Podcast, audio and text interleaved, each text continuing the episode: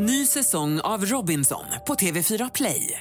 Hetta, storm, hunger. Det har hela tiden varit en kamp.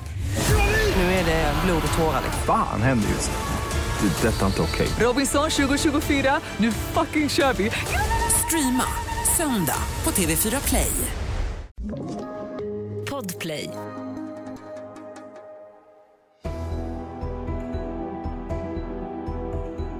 En lyckad brottsling måste såklart ha vad man kallar grit. Alltså karaktärsstyrka och förmågan att ligga i när det är som jobbigast. Annars kan allt från planering till utförande av brottet gå åt skogen. Och det är inte grit som saknas när rånaren Marcus är i farten. Faktum är att han kommer kallas Sveriges envisaste rånare och också en av de minst fantasifulla. Det här är ett avsnitt av Misslyckade brott med Andreas Utterström och Mattias Bergman.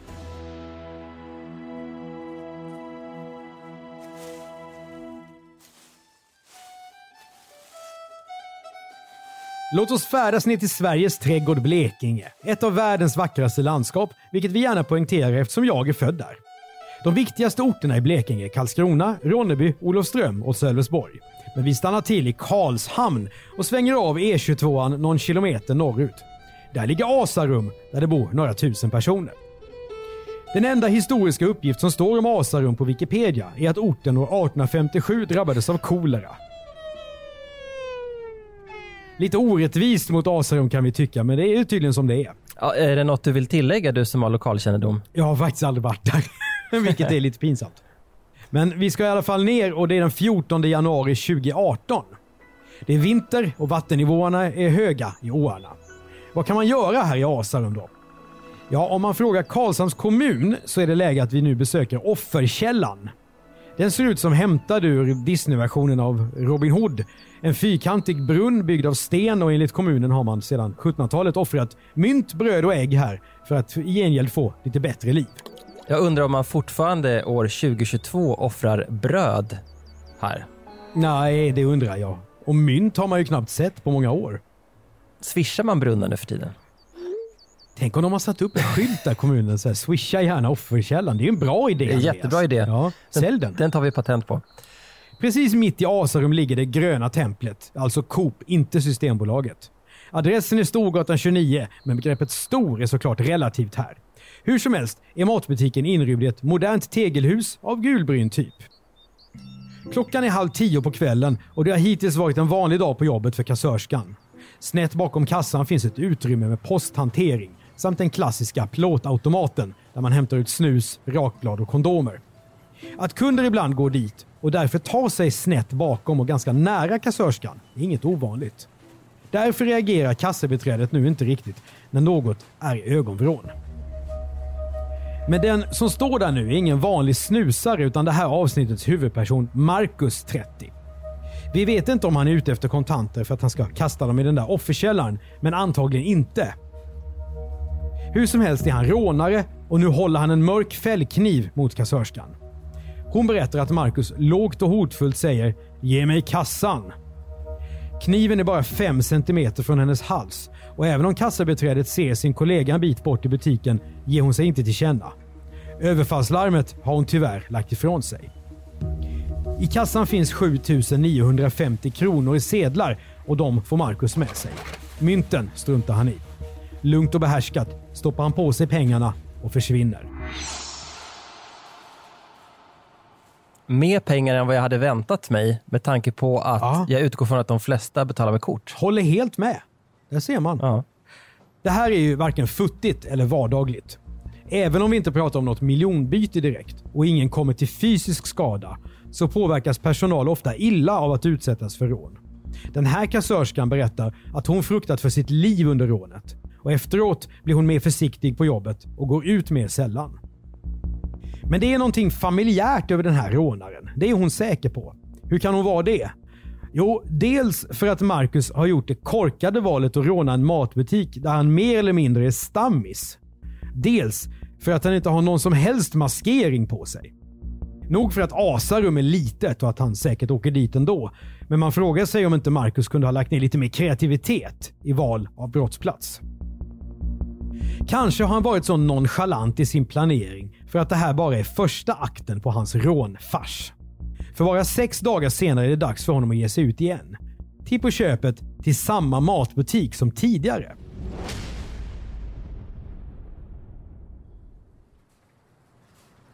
Den här gången är det eftermiddag och det är annan personal som jobbar. Men de två kassörskor som är i tjänst nu har såklart fått höra om det förra rånet. Och Marcus signalement har de mycket klart för sig. Klockan är strax efter halv två på eftermiddagen och den ena kassörskan löser av den andra. Den som just går på sitt pass hör att kollegan viskar något till henne. Men hon har kunder att ägna sig åt och hör inte. Sen frågar hon vad det handlat om. Jo, säger jobbarkompisen. Jag tror jag vet vem rånaren är. Det liknar ju den där killen som brukar handla här. Kollegan har till och med tagit ett foto av Marcus när han har varit på Coop och handlat en av de gånger då han betalar för sig. Det går några timmar, men sen är det dags igen. Marcus kommer in i butiken och när han stegar ner mot kassan, rakt mot kassörskans utrymme, berättar hon att hon är helt säker på vad som ska ske. Marcus är lika omaskerad som första gången, men bär i alla fall en tröja med luva över huvudet. Han håller kvar ena handen i fickan på hoodien. Kassörskan hinner tänka att han kan ha en kniv där. Hon har ju fått veta att rånaren hade en sån vid förra rånet. Marcus ser ingen anledning att förändra något i sin kommunikation från förra gången. Ge hit kassan, säger han. Två gånger behöver han göra det dessutom. För kassörskan blir perplex så han måste upprepa sig. Sedlarna i kassan stoppar han på sig lika lugnt och metodiskt som han nu börjar bli van vid.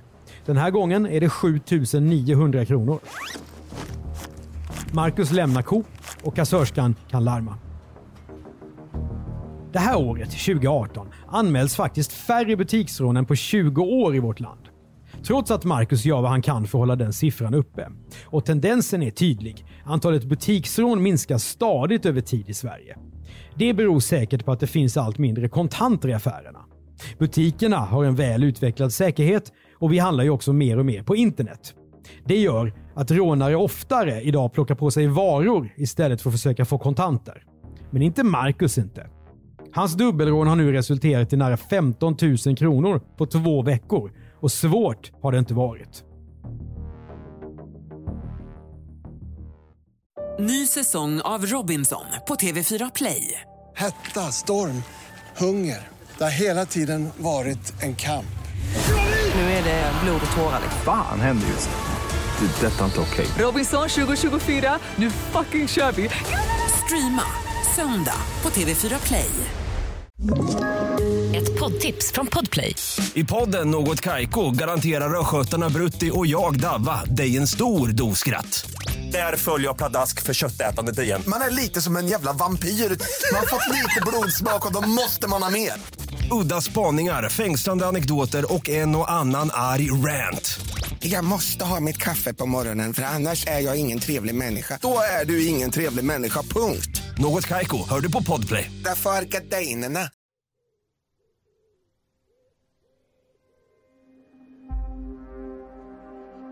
En rånare som dessutom är igenkänd på orten och rånar samma matbutik lika ofta som vanliga hedliga människor veckohandlar. Det är naturligtvis oacceptabelt. Dagen efter Marcus förra tillslag är det dags att polisen kommer. Pratar med personalen och har lite koll i butiken. Efter varje rån har de anställda fått sms och alla är naturligtvis rejält uppskrämda över informationen om rånen. Det är nu dagen efter Marcus förra tillslag och kassörskan som jobbar den här dagen har koll på Marcus. Både för att han är kund och för att han ju har fotats av hennes kollega. Visserligen är ju Marcus inte som andra kunder, men hon har aldrig uppfattat honom som hotfull eller våldsam.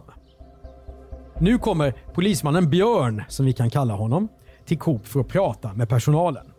Klockan är sex på kvällen den 21 januari 2018. Björn har redan sett fotot av Marcus och pratar en stund med kassörskan innan han går vidare. Då kommer Marcus med raska steg in i butiken. Det där är rånaren, hinner kassörskan tänka. Hon ska nu alltså bli den tredje ur personalen och råka ut för honom. Marcus modus operandi är exakt som det brukar. Han går direkt till utrymmet vid sidan om kassörskan där han brukar tillskansa sig pengarna. Huvan på hoodien har han över huvudet, men i övrigt omaskerad. Händerna har han i fickorna som om han bar en kniv. Kassan, säger han uppfordrande till kassörskan som är mycket rädd, blir ställd och inte gör någonting. Kassan, säger Marcus igen. Men då blir han avbruten av polismannen Björn. För han har stannat kvar en bit bort i butiken. Och när Marcus kommer in igen hinner personalen utbyta menande blickar med Björn. Nu stegar han fram för att hälsa på Marcus. Björn säger sitt namn och sträcker fram handen. Och Marcus, som just är i färd att genomföra månadens tredje rån, han verkar få någon slags kortslutning i skallen. Han hälsar tillbaka. Jag är polis, säger Björn och nu är det ju kört. Marcus får upp tempot och försöker smita. Men Björn har redan kopplat ett grepp på honom och griper honom. Flera poliser kommer till butiken och hittar också Marcus kniv liggande på golvet vid kassan. Men Mattias, vi måste reda ut en sak här. Björn är väl då civilklädd misstänker jag? Eller är han klädd som polis? För då borde ju Marcus så fort han ser honom inte skaka hand utan springa därifrån. Det framgår inte i domen, men av medierapporteringen så får jag bilden att, att Björn är en fullständigt uniformerad, i yttre tjänst som det heter. Ja, just det. Så när Marcus kommer in, då ser han inte Björn och sen när Björn kommer fram för att hälsa, vilket är ett smart knep, då får han kortslutning och sträcker fram handen Ja, som reflex. ja. Men jag tycker det här är intressant också av ett annat skäl, för det säger någonting om svensk polis. Mm. Om man liksom ska generalisera och jämföra med USA till exempel, för då hade det varit draget vapen, gap och skrik, eh, Spread eagle. handbojor, allt möjligt och Mm. kanske lite övervåld också. Eh, här så eh, man skakar hand och sen så griper man inget onödigt våld. Antagligen skulle jag gissa det klassiska polisgreppet. Ja, Men det här är intressant för vi har ju en debatt om att svensk polis skjuter mer och mer. Alltså avfyrar vapen oftare och oftare och att, Mm. att vapnen blir kraftigare. Så Björn kan ju sägas vara ett slags föredöme på det sättet för de som inte tycker att polisen ska använda vapen. ja. Han hade ju kunnat köra pepparspray eller inte, inte vet jag, men då, då eh, hade han kunnat eh, peppra någon annan. Så det här var väl smartast möjliga gripande. Han kanske har gripit fler genom att skaka hand. Ja, man får ju ge Björn, han är ju iskall här. Ja. Alltså han går fram och hälsar och kopplar grepp. Det, är liksom, det var väldigt smart. mm, det kan också säga någonting om Marcus apparation. Att det är ju liksom inte militärligan vi pratar, utan han har väl en liten annan stil. Hur många gånger tror du han hade fortsatt att råna samma butik på samma sätt om man inte hade åkt fast utan bara liksom själv kommit på tanken att förr eller senare kommer det stå en polis här och vänta på mig. Alltså, jag får ju bilden av att han är en så att säga vanekriminell på det sättet att han hade kört på. Men då är det ju rent bara en, en eh, då är det ju bara en kamp mellan Marcus och statistiken innan han åker dit ju. Ja, men det är väl förmodligen en person vars eh, konsekvenstänkande och långsiktiga tänkande inte är liksom på topp. Så att jag behöver pengar för dagen, här får jag 7000 spänn enkelt och sen tänker inte så mycket längre så. Ungefär så.